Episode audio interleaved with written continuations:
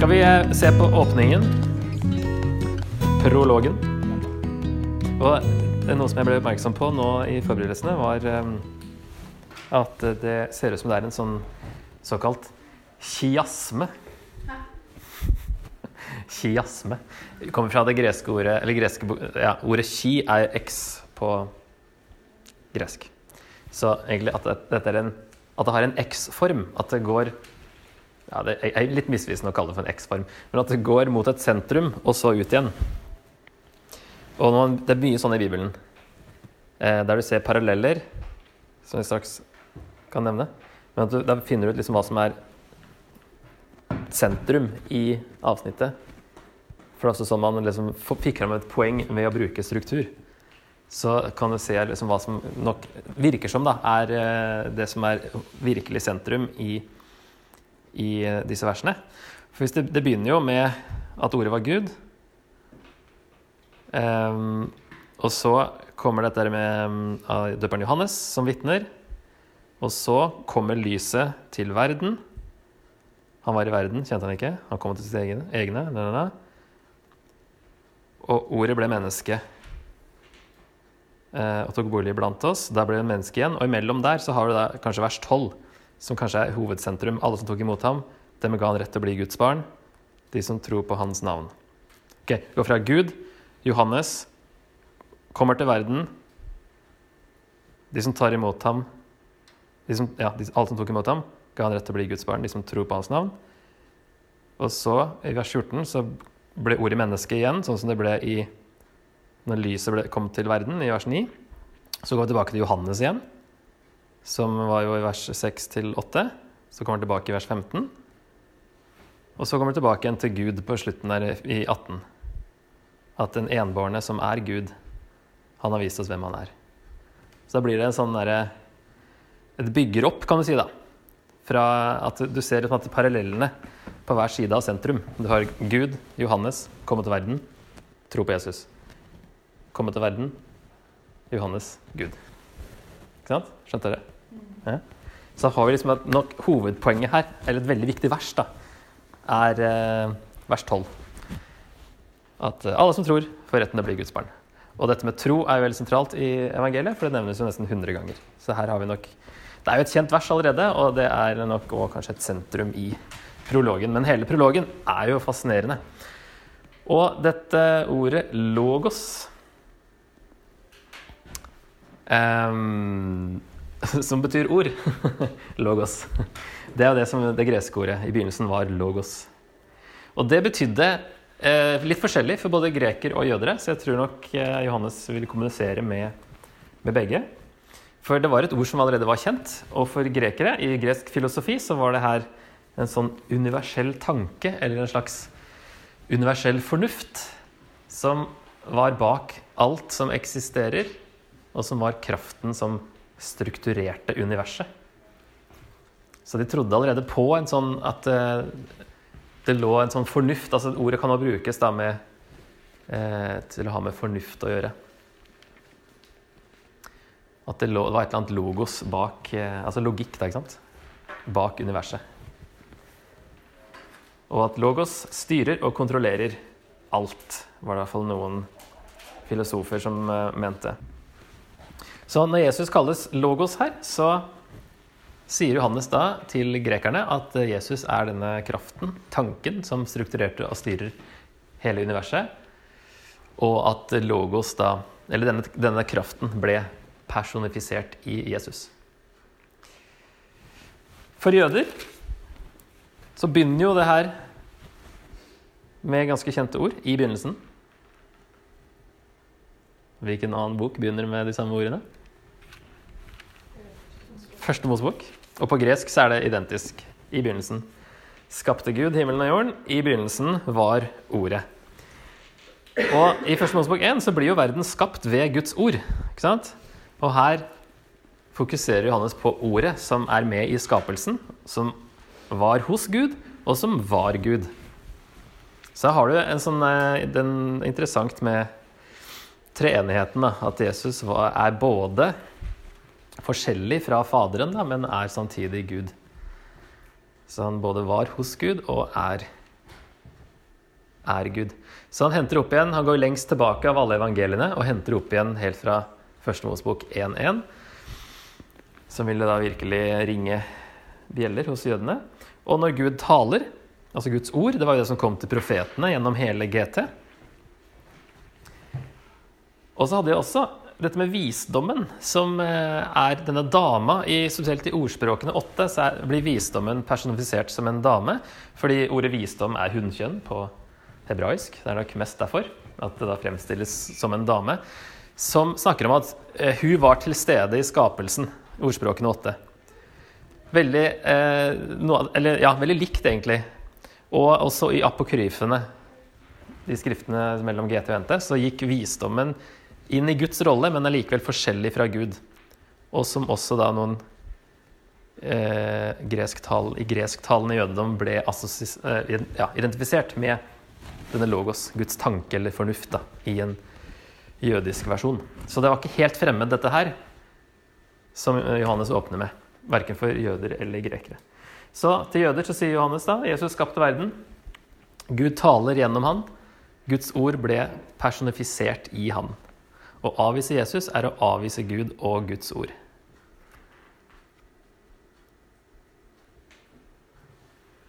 Så det var liksom både filosofi og tilbake til skapelsen i åpninga her.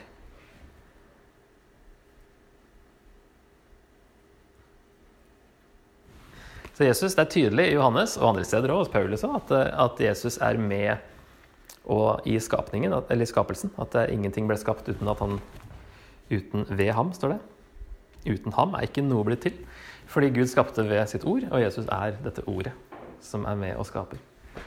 Utrolig fascinerende når du liksom tenker over det. At der det treenigheten er uh, litt eh, vidløftig for en menneskehjerne å få tak i. Men i denne prologen så er det jo, det er jo en prolog fordi det er en, en åpning, altså en sånn som Paulus ofte har òg i sine brev, der han toucher på temaene som skal komme. Jeg vet ikke om vi har snakka så mye om det med dere, men i hvert fall Paulus har ofte, hvis du ser på åpninga til Paulus, så i den takkebønnen så er han ofte innom ting han kommer til å snakke om, eller ting brevet handler om. Og det samme med Johannes. Ehm, så introduserer mange temaer her. I vers 1 da, dette med at Jesus er preeksistent, altså at han eksisterte før han kom på jorda. Som dukker opp spesielt 858, der han sier 'før Abraham var, jeg er'. Og så sier han i 17.5 at eh, 'gi meg nå den herligheten jeg hadde med deg før verden ble skapt'. Så det er spesielt for Johannes at Jesus snakker om her, at han eksisterte før han kom på jorda. Og denne enheten med Gud, som også at han var, han var hos Gud, og han var Gud. Samme verset, 858, kan nå eh, brukes der. Altså han var, han var jo med Gud før skapelsen. Jeg og Faderen er ett, sier han i 1030. Og 2028 er vel når Thomas kaller ham for 'min Herre og min Gud'. Det evige liv kom med Jesus, introduseres her.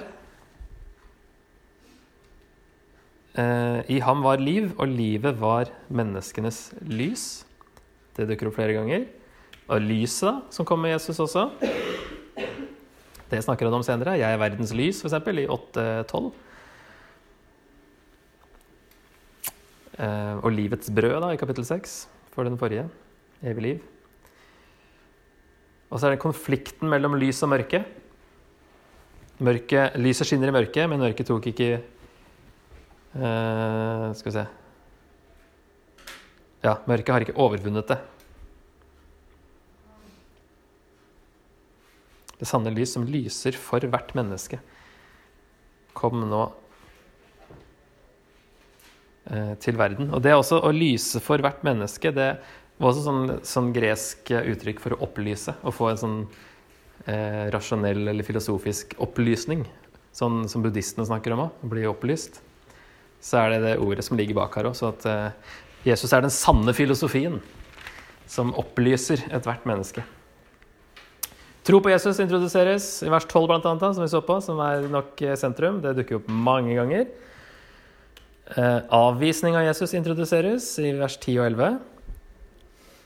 Verden kjente ham ikke. Verden er blitt til ved ham, men verden kjente ham ikke. Han kom til sitt eget, men, men, eh, og hans egne tok ikke imot ham. Jesu herlighet i vers 14 snakka om eh, som sagt i 17 der, og det er masse vers her som dere kan bare ha til senere referanse hvis dere vil. Eh, og at Guds nåde og sannhet kom i Jesus, det dukker opp senere. Og at Jesus er åpenbaring av Faderen. Men det er ofte sånn da, det er gøy å se på åpningen, for der er det ofte eh, ting som eh, legger som det legges føringer for. Si. Dette kommer til å komme igjen. Det er som en sånn opera som har en overtyre først, der du får høre smakebiter av eh, stykket. Um, som er noe av det samme her. For smakebiter av hva det kommer til å handle om, på en veldig sånn, poetisk, flott måte.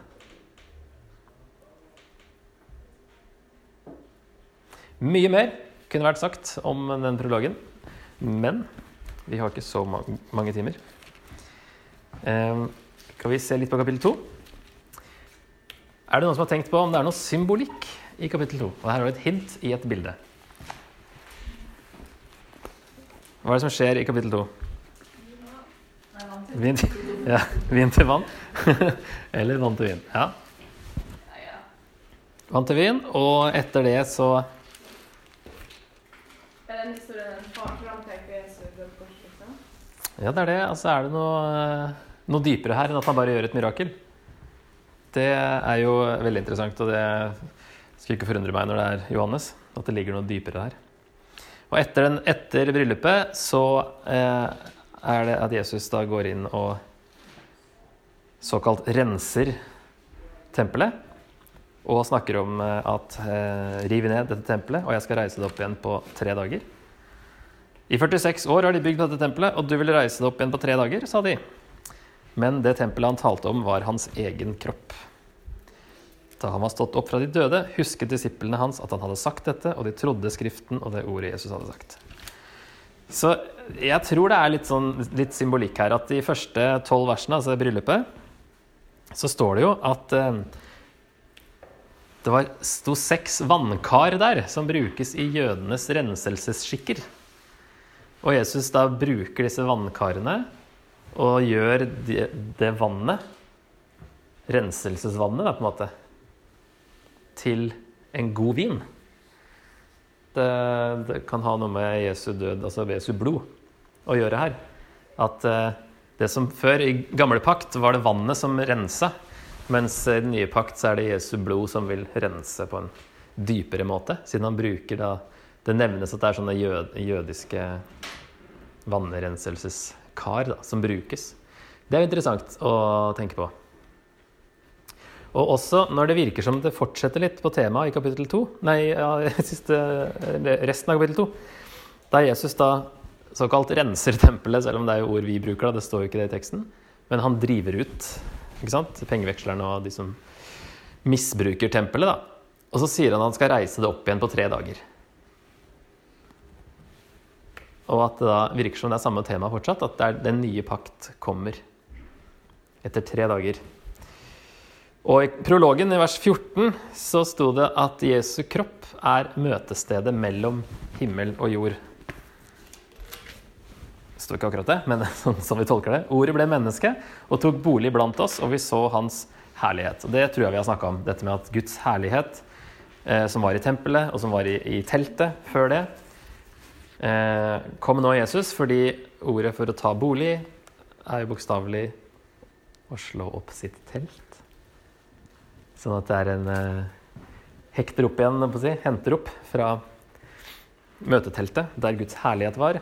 Nå kommer Jesus, slår opp sitt telt, og vi ser hans herlighet som han har fra Gud. Så Jesus er oppfyllelsen av tempelet, og eh, som vers 14 egentlig sier, da og som han da sier her i kapittel 2, at han, i løpet av tre dager så skal han Det er han som skal stå opp igjen. Han er det nye tempelet. ikke sant?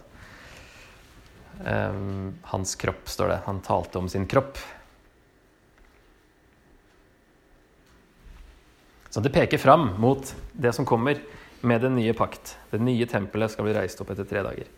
Leserne vet jo at tempelet ble ødelagt i år 70, men de vet også at han snakket om seg selv, siden Johannes òg nevner det tydelig. Men det er lettere å vite det når de leser det lenge etterpå, da. Når tempelet ikke ble reist opp igjen, det fysiske tempelet, jordiske tempelet, men at eh, Jesus som eh, skulle stå opp. Oppfyllelsen av tempelet som ble revet ned, oppfyllelsen skulle stå opp etter tre dager. Skjønte dere symbolikken?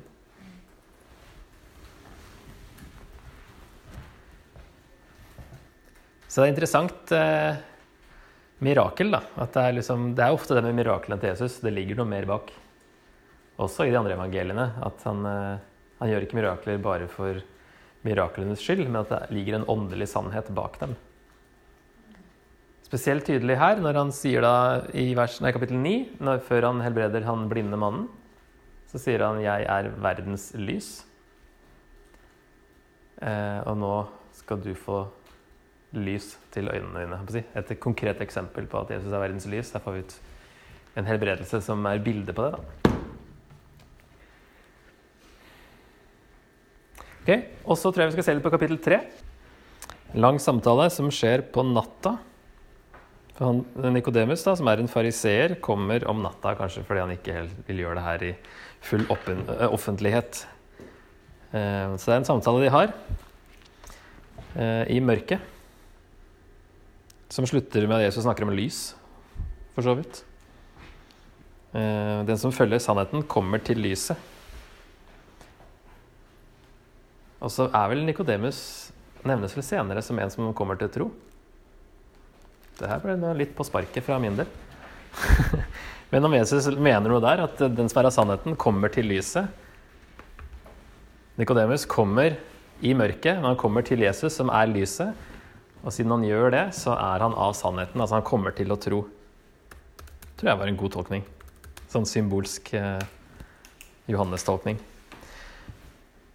Skal vi se I 750 eh, står det bare Nikodemus, en av deres egne, altså en fariseer, han som tidligere hadde kommet til Jesus, sa da Og i 1939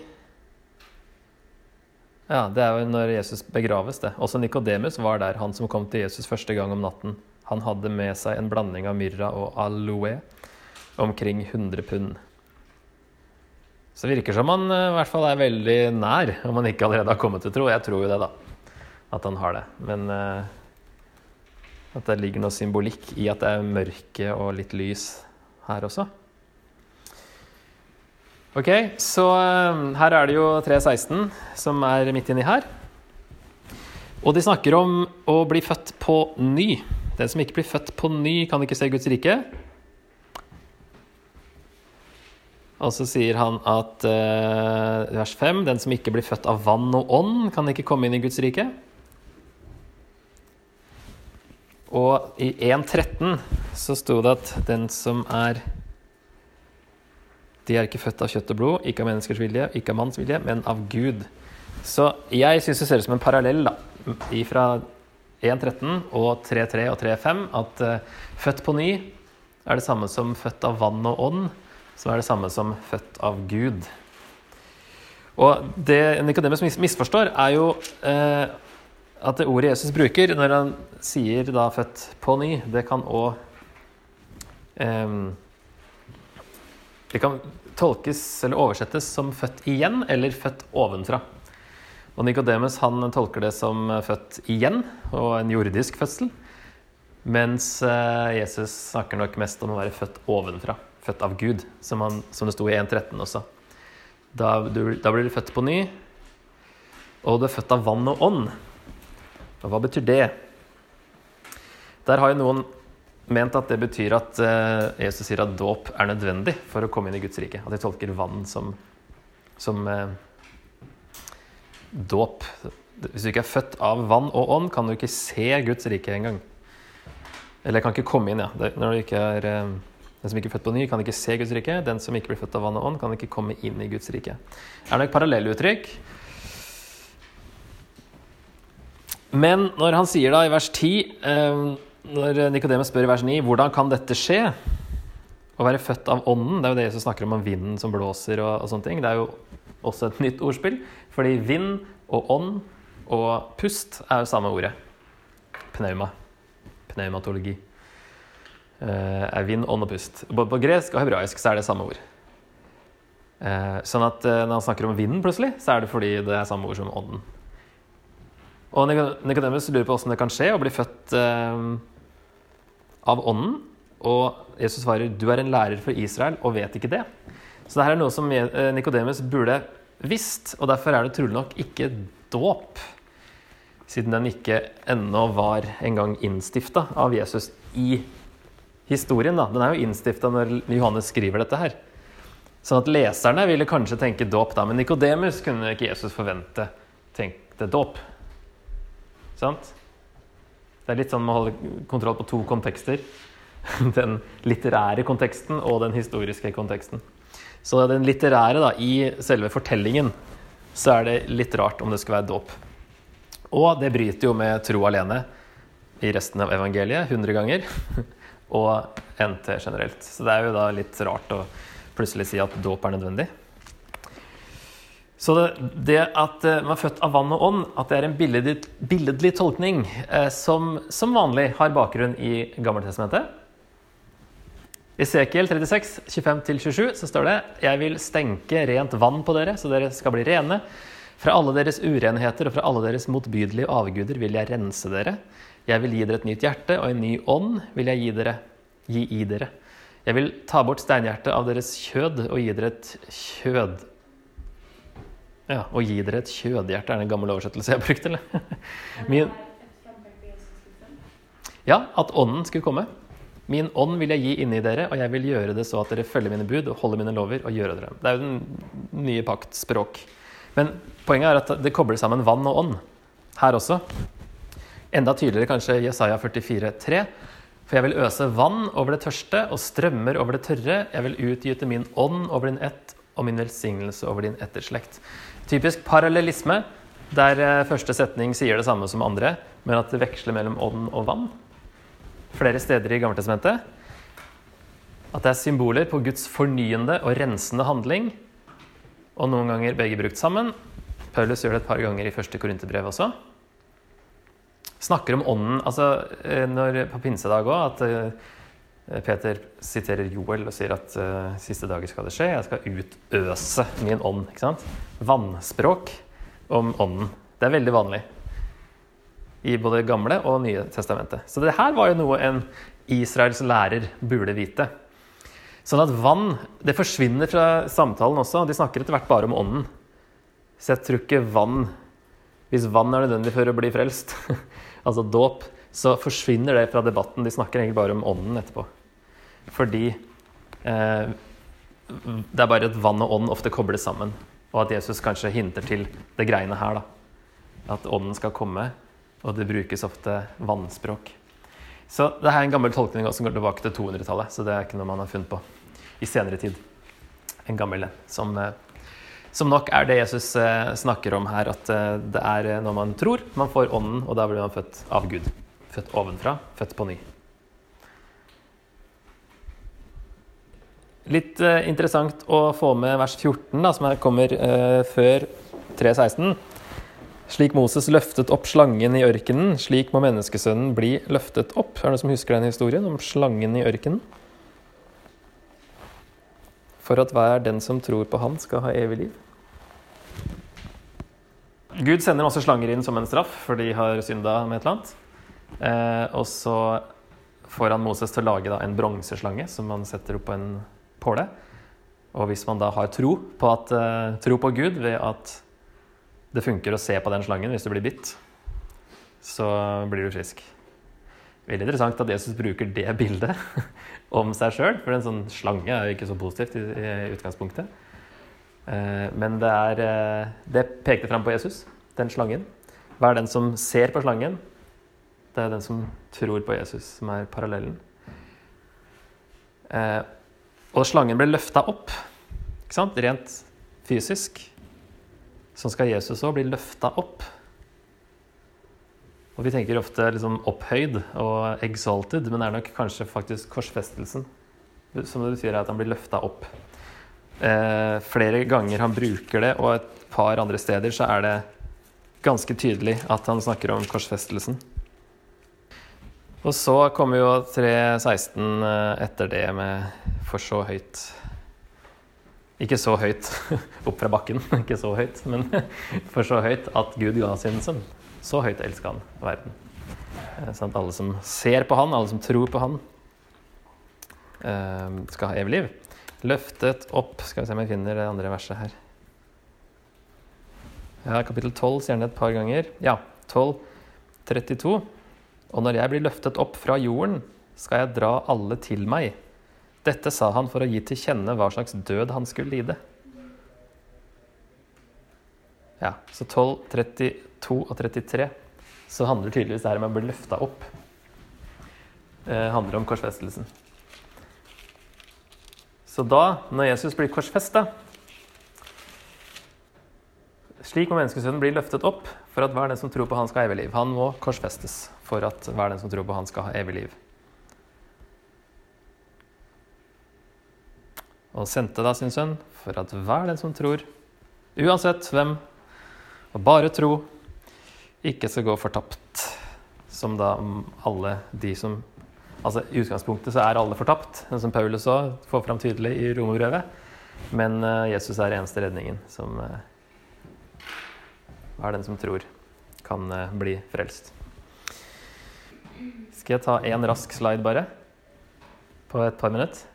Jeg er, ikke sant? Det er 'jeg er livets brød' osv. Men at Jesus et par steder sier eller ja, i hvert fall et par steder, sier 'jeg er' med litt sånn ekstra kraft. Og her er jo Guds navn på hebraisk, da, med litt ild og sånne ting fra den brennende busk.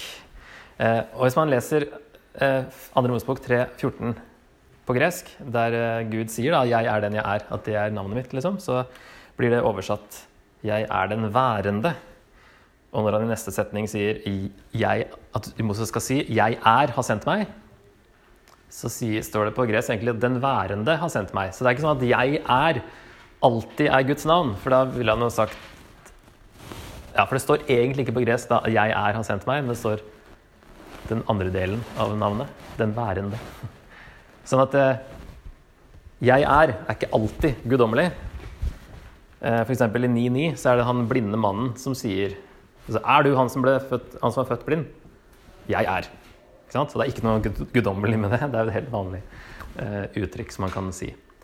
Um, men at uh, ut fra hvordan det var på gresk, så er det ikke det at Hvis dere skjønner hva jeg mener med det At det er ikke, det er ikke 'jeg er' er ikke like tydelig da, i den greske versjonen av Andre Andre Mosbok.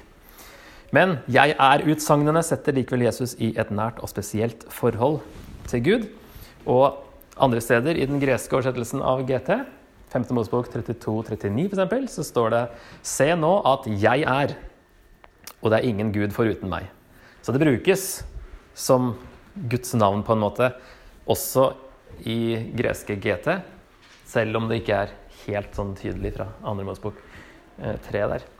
Tydeligst i Johannes er det da 858, der da Jesus sier 'før Abraham var', 'jeg er'.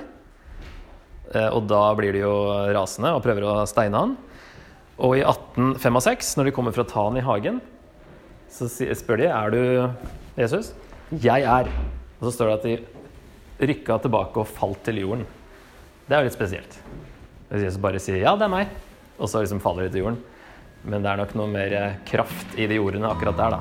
Når han svarer med 'jeg er', så er det Guds kraft som får dem til å falle. Det er litt kult. Så det er i hvert fall de to stedene i Johannes der det er ekstra framme.